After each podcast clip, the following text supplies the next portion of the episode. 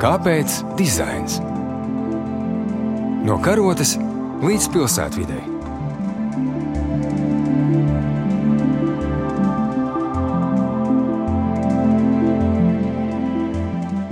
Labdien! Klasikas studijā Ilza Martinsone, Latvijas arhitektūras muzeja vadītāja, un šodien es sarunājos ar Dagniju Smilgu, arhitekta biroja ēteru līdz īpašnieci.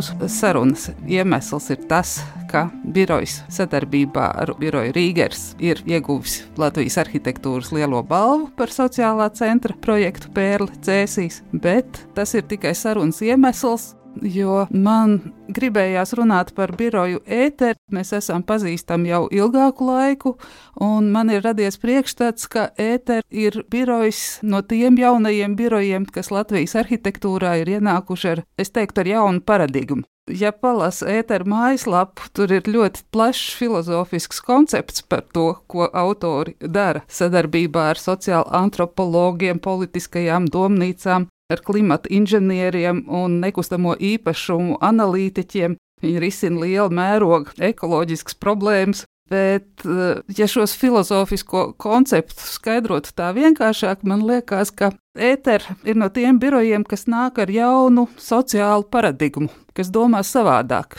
vecā arhitektūras doma bieži vien manā uztverē tiek uztverta kā bagāta klientu apkalpošana, bet jaunā paudze nāk tiešām ar pilnīgi citu skatu.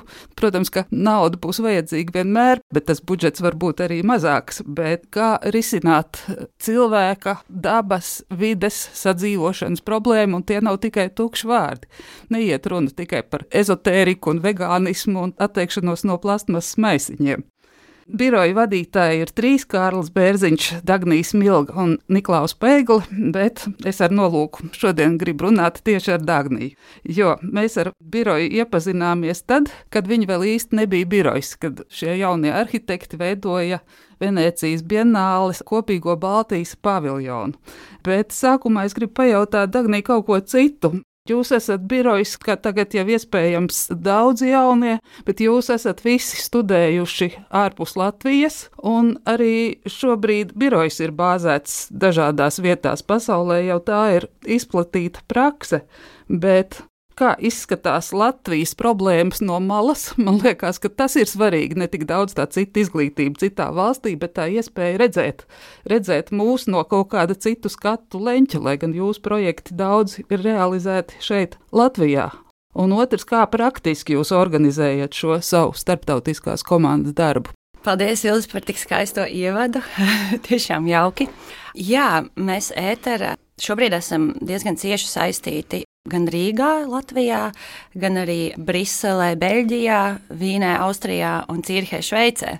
Kaut gan mūsu tāda fiziskā un infrastruktūras bāze ir Rīga šobrīd. Dažādu iemeslu dēļ, protams, tādēļ, ka šeit mēs pārsvarā arī realizējam projektus, kā arī tas bija tas mērķis sākt ēteru ar bāzi Baltijā mums, es vairāk skatītos uz to skatu no ārpuses uz Latviju vai otrādāk - skats no Latvijas uz ārpusi.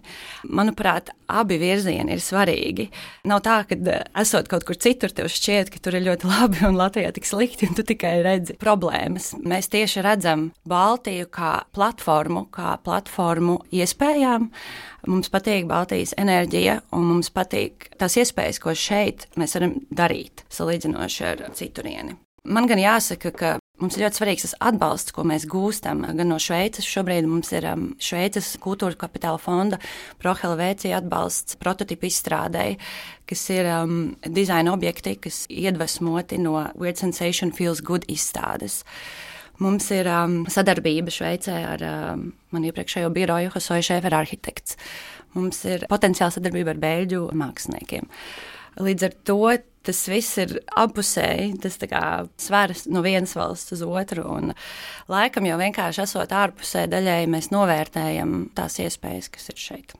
Tātad toreiz, 2016. gadā, tas bija unikāls notikums, kad Baltijas jaunie arhitekti izveidoja kopīgu Baltijas ekspozīciju Venecijas arhitektūras bienālē.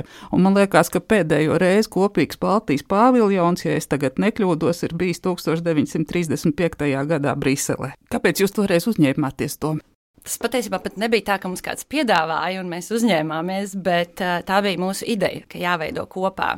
Divus gadus pirms Baltijas paviljona mēs bijām Venecijā atklāšanā un sapratām, ka Latvijai vienai tik maz spēka tur parādīties iespaidīgāk.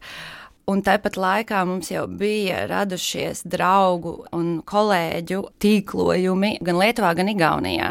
Mēs kopā izlēmām, ka ir nepieciešams veidot Baltijas paviljonu. Tur jau bija tāds garš stāsts, kad mēs vinējām katrā valstī ar Baltijas paviljonu ideju konkursu. Līdz ar to tas bija tas, kas mums viņu patiesībā ļāva taisīt. Zīmīgi ir tas, ka visi projektā iesaistītie tajā laikā atradās ārzemēs, Eiropā kaut kur. Un tā bija kā iespēja mums, vai kā tāds dzinulis, sākt kaut ko Baltijā ar domu, ka uh, droši vien mēs varētu šeit pārvākties. Tādēļ arī mēs radījām Baltijas pavilnu vairāk kā platformu, kurā kopīgi domāt par nākotni un arī veidot nākotni.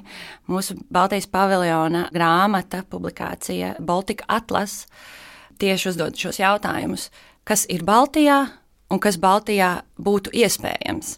Un tas ir tas eh, fons, uz kura mēs radījām visu projektu.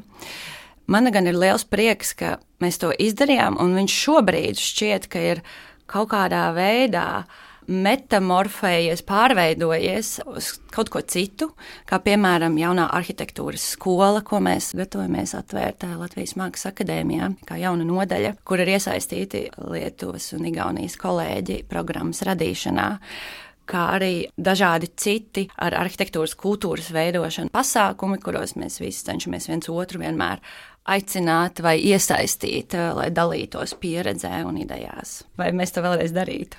Droši vien, ka vēlreiz nē, bet esmu ļoti priecīga, ka mēs to esam darījuši. Varbūt vēlreiz Venecijā es labprāt piedalītos, veidojot Šveices paviljona saturu, vai arī galvenā kuratora ekspozīcijā. Manuprāt, tas būtu interesanti. Bet vai tu vispār tici tādai Baltijas kopīgai reprezentācijai pasaules telpā, vai tāda ir iespējama. Man reizēm liekas, ka tas principā nav iespējams skatoties, kā mēs iekšienē viensētnieki būdami savā starpā ne, nevaram ne pa ko vienoties, kā mēs pašlaik veidojam valdību, kur vēl trīs Baltijas valstu kopumā. Man šķiet, ka nav striktu robežu. Nav arī tā, ka mums būtu jāprezentē sevi kā Baltija. Varbūt, mēs esam jaunie globālie ziemeļi. Līdz ar to es uzskatu, ka tur jābūt daudzslāņainai pieejai. Ir daļa, ko mēs darām no iekšienes, kur mēs paši nevaram vienoties, un tad ir kaut kādas lietas, kas mums palīdz globālā kontekstā būt spēcīgākiem, būt pamanāmākiem un būt relevantākiem. Tieši tādēļ arī man interesē koncepts par Baltiju, vēl jo vairāk šī brīža klimatiskajā situācijā kur Eiropa pārsvarā lielajās pasaules konferencēs netiek ņemta vērā tik ļoti kā ekonomisks spēks, bet vairāk kā Ziemeļa Eiropa, kur nākotnē liela daļa cilvēku gribētu dzīvot, dēļ iespējām, jo cik tā mums ir tie ziemeļi visā pasaulē. Eh, mums ir Kanādas ziemeļi, kur ir ārkārtīgi sarežģīta infrastruktūra un klimats tomēr ļoti bargs. Un tad mums ir Krievijas ziemeļi, kur tas principā šķiet neiespējami. Un kas tad atliek? Atliek Eiropas ziemeļi, kur mums ir iespēja gan būvēt jaunas pilsētas, mums ir kultūras bāze, mums ir tāda vēsture. Jā, tas, kur mēs šobrīd esam, ir uh, lielā nākotnes iespēja un potenciāls. Jūs sevi esat prezentējuši šogad ar diviem lieliem, nozīmīgiem un ļoti atšķirīgiem projektiem, kas man liekas arī pierāda to jūsu interešu loku. Tu jau pieminēji James Taylor Foster kūrēto izstādi dizaina muzejā Londonā. Es lasīju šo konceptu - autonomās sensorās meridiāna reakcijas caur fiziskām neparastām sajūtām. Man tas likās šausmīgi sarežģīti, vai tu nevari izstāstīt ļoti vienkāršā veidā, kas tur notiek? Koncepts vai termins ASMR. Iedomājies, tu skaties video, kurā tiek mazgāti divi balti kucēni. Viņi ir vannā, un viņiem putas nāk virsū, un tu skaties, un tu nevari beigt skatīties. Un tas tevi ārkārtīgi relaksē. Šis ir par to, par šī brīža pasaules fenomenu, kur cilvēki savās mājās, guļamistabās skatās dažāda veida YouTube video un relaksējas. Mēs skatāmies, kā kāds gatavo ēst, un uh, desmit minūtes griež sīpolus smalkos gabaliņos. Mēs skatāmies to, un mums rodas kaut kādi tirpas, un tas viss ir par šī jaunā veida relaksāciju, ko, protams, ir veicinājusi digitālā pasaule un internets, jo tas mums ļauj palikt mājās vieniem un relaksēties. Mēs, diemžēl, vairs tik daudz neejam ārā uz kopīgu spā vai pirti, jo mums ir šī jaunā iespēja. Un e, jūsu uzdevums bija radīt šo relaksācijas vidi, es pareizi saprotu. Jā, mūsu uzdevums bija radīt vidi, bet publisku telpu. Tā ir tā lielā atšķirība, ja parasti ASMR tiek baudīts ļoti privātā telpā. Tas ir ārkārtīgi intīmi un jājūtas ļoti pasargātam un drošībā. Tas mūsu lielais izaicinājums bija, kā savest vairāk cilvēku kopā, kuri paralēli skatās šos video un jūtas droši, lai varētu relaksēties. Tādēļ arī mēs radījām ASMR arēnu, arēnu, kas patiesībā atsaucas uz jau antīko kultūru, kur arēna ir vieta, kur pulcējas cilvēki. Londonas izstādē mums ir radīts ovāls paviljons, kā izstādes centrālā daļa, kur karājas video darbi, un epoksīda rokas pasniedz austiņas, lai baudītu video un skaņas darbus.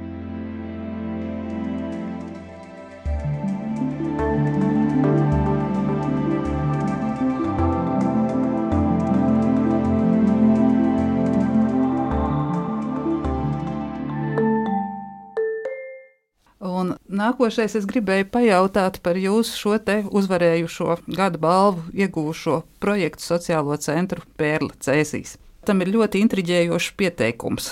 Deinstitucionalizācijas īstenošana, palīdzība cilvēkiem ar attīstības traucējumiem un psihiskām saslimšanām, lai viņi varētu iekļauties sabiedrībā. Es lasīju tādu tā kā ambiciozu, nezinu, vai jūs pašu pieteiktu ideju, ka ir pat radīts jauns ēkas tips Kā tas fiziski izpaužās bildēs? Es skatos, ka ēka atrodas brīvā dabā, kur tie cilvēki man nemaz neliekās, ka viņi tur tiek iekļauti sabiedrībā.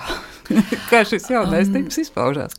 Jā, deinstitucionalizācija tādā formātā, ka Cēzu pilsēta rada šo projektu, kurš ir patiesībā divās daļās. Viņa pilsētas centrā atjauno dzīvokļus, kur cilvēki patstāvīgi paliek. Un pa dienu viņi dodas uz šo centru, kur viņiem ir dažādas nodarbības un terapijas. Līdz ar to tas kā, mūsu jaunā ēka ir daļa no projekta. Jā, taisnība, ēka atrodas ne pašā pilsētas centrā, bet tieši pie robežas, Cēzus pašvaldības īpašumā, ar ļoti skaistu skatu, un ainavu un topogrāfiju. Bet vēl ar vienu viņa atrodas cēsīs. Par jaunu tipu es gan teiktu, patiesībā šie divi projekti, gan Londonas izstāde, gan Cēzu māja, Viņi nav tik atšķirīgi. Viņi ir par cilvēku savešanu kopā, par vidas radīšanu, kurā caur dažādiem paņēmieniem mēs varam sajusties īpaši vai labi vai pasargāti. Tādēļ arī cēsu ēka Pērle, viņa sauc Pērle, dienas centrs Pērle, ir kā liela privāta māja, 720 km2, trīsstūra formas ar vienu lielu jumtu kurš saved kopā un pasargā visas ēkas lietotājus. Šis tiek prezentēts kā mazbudžeta arhitektūra. Tas atbilst patiesībai. Jā, mūsu budžets bija ļoti zems. Par eh, tādām kvadrātmetru izmaksām varētu droši vien visticamāk uzcelt autostāvvietu. Tādēļ mēs tik ārkārtīgi cīnījāmies procesā, lai sasniegtu kaut kāda veida materialitāti, ko es saucu par godīgajiem materiāliem, kas ir betons, koks, stikls, kur nav nekas daudz paslēpts, kur ēkas konstrukcija ir arī ēkas interjers. Tas mums visā mūsu projekta gaitā bija ārkārtīgi svarīgi saglabāt šīs bāzes vērtības. Projekts ir uh, mazbudžeta. budžeta Tādēļ mēs mēģinājām dot no projekta visu to labāko tieši lietotājiem, tieši šai sabiedrības vismazāk pasargātajai grupai. Varbūt ēkai nav pompoza ieejas fasāde, bet toties viņai ir terase ar skaistu skatu uz Latvijas ainavu, kur cilvēki ratiņkrēslā var ārkārtīgi brīvi pārvietoties. Man ir milzīgs prieks redzēt, kā dienas centrs izmanto šo terasi, piemēram, saulgriežos. Terasa kļūst par skatuvi, kur daļa no centra lietotājiem ir aktieri un daļa skatītāji pļavā. Tas ir tieši tas, par ko es runāju sākumā. Šī sociālā paradigma, nevis bagātu klientu apkalpošana. Tāpēc, ka asprātīgam risinājumam nav jābūt dārgam. Manuprāt, šī ir arhitektūras nākotne. Bet mēs jau te runājām par šo jumtu, un pats poetiskākais elements, kam nav funkcionāls nozīmes, ir šī jumta pergola. Bet pēc katras arhitektūras balvas kolēģi metās vienmēr virsū uzvarējušam projektam. un es palasīju komentārus. Un komentētāji saka, nu jau drīz to jumtu noseks, jo tas jau nav praktiski. Kā tu uz to raugies? Man patīk šīs tankas, kas izplatās, jo manuprāt, būtu vērtīgi pajautāt pašiem centra lietotājiem un vadītājiem, jo mēs ar viņiem par šo neesam daudz runājuši, un šāda apsekšana šobrīd nav kā tēma. Līdz ar to tas kaut kas radies starp praktiskajiem arhitektiem. Es neteiktu, ka pērgola ir nepraktiska. Principā viņa tika radīta ar mērķi noēnot ar mērķi radīt dažādas saules zaķu spēles, gan uz terases, gan iekštelpās, jo mainoties saulē, tu vari saprast, kurā dienas laikā tu esi patiesībā, kurā telpā. Un šī sajūta, ka tu esi tieši pērlē, dēļ tiem saules zaķiem, kas rodas, tā mums šķita tā vērtīgā sajūta, ka tu neesi anonīmā telpā, bet tas ir tieši tas dienas centrs, tās tavas otrās mājas.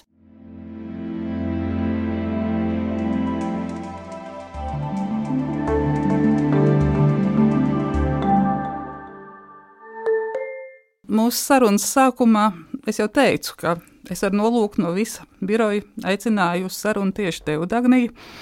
Tāpēc, ka mēs iepazināmies, kā jau teicu, pie šīs Baltijas paviljona tapšanas, un es neesmu feministe nekādā gadījumā, bet strādājot ilgi arhitektu, arhitektūras vidē, es esmu pamanījusi, ka šī pasaule joprojām tiek uztverta kā vīriešu pasaule. Ja ir arhitektu pāris, tad par galveno tajā noteikti asociē vīrieti. Arhitektu duetam jaunromāns un ābeles Mārai ābelei pat esmu paprasījusi Māra, vai tu tiešām arī pie šī projekta kaut ko darīji. Un es atceros, ka tapa Baltijas paviljons, tad gudrie smukie puiši izgāja priekšplānā un prezentēja un bija galvenie runas vīri, bet tad, kad no muzeja bija jāved mantas, tad parādījies to Dagnija un izdarīja visu praktisko darbu.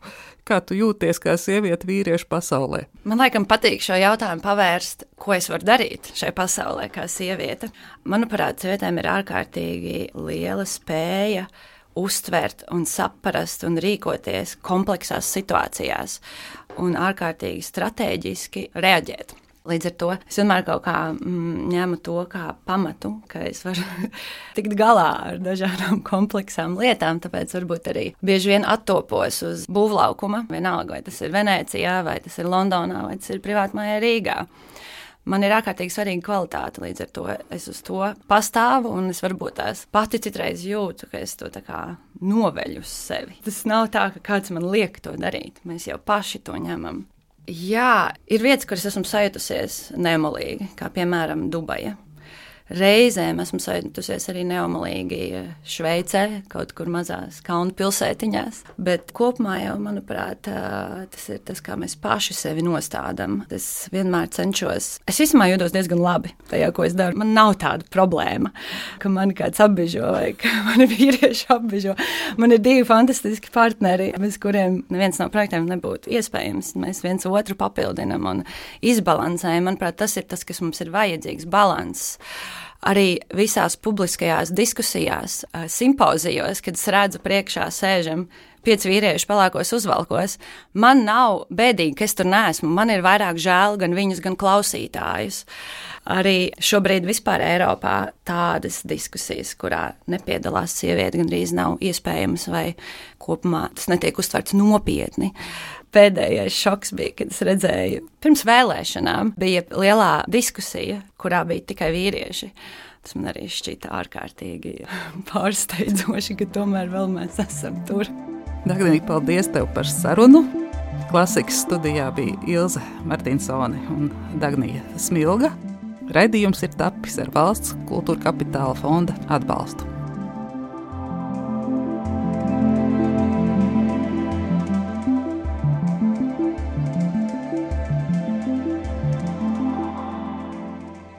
Kāpēc dizains? No karotes līdz pilsētvidē. Pirmdien, 9.5. ar atkārtojumu sestdien, 18.18. 18.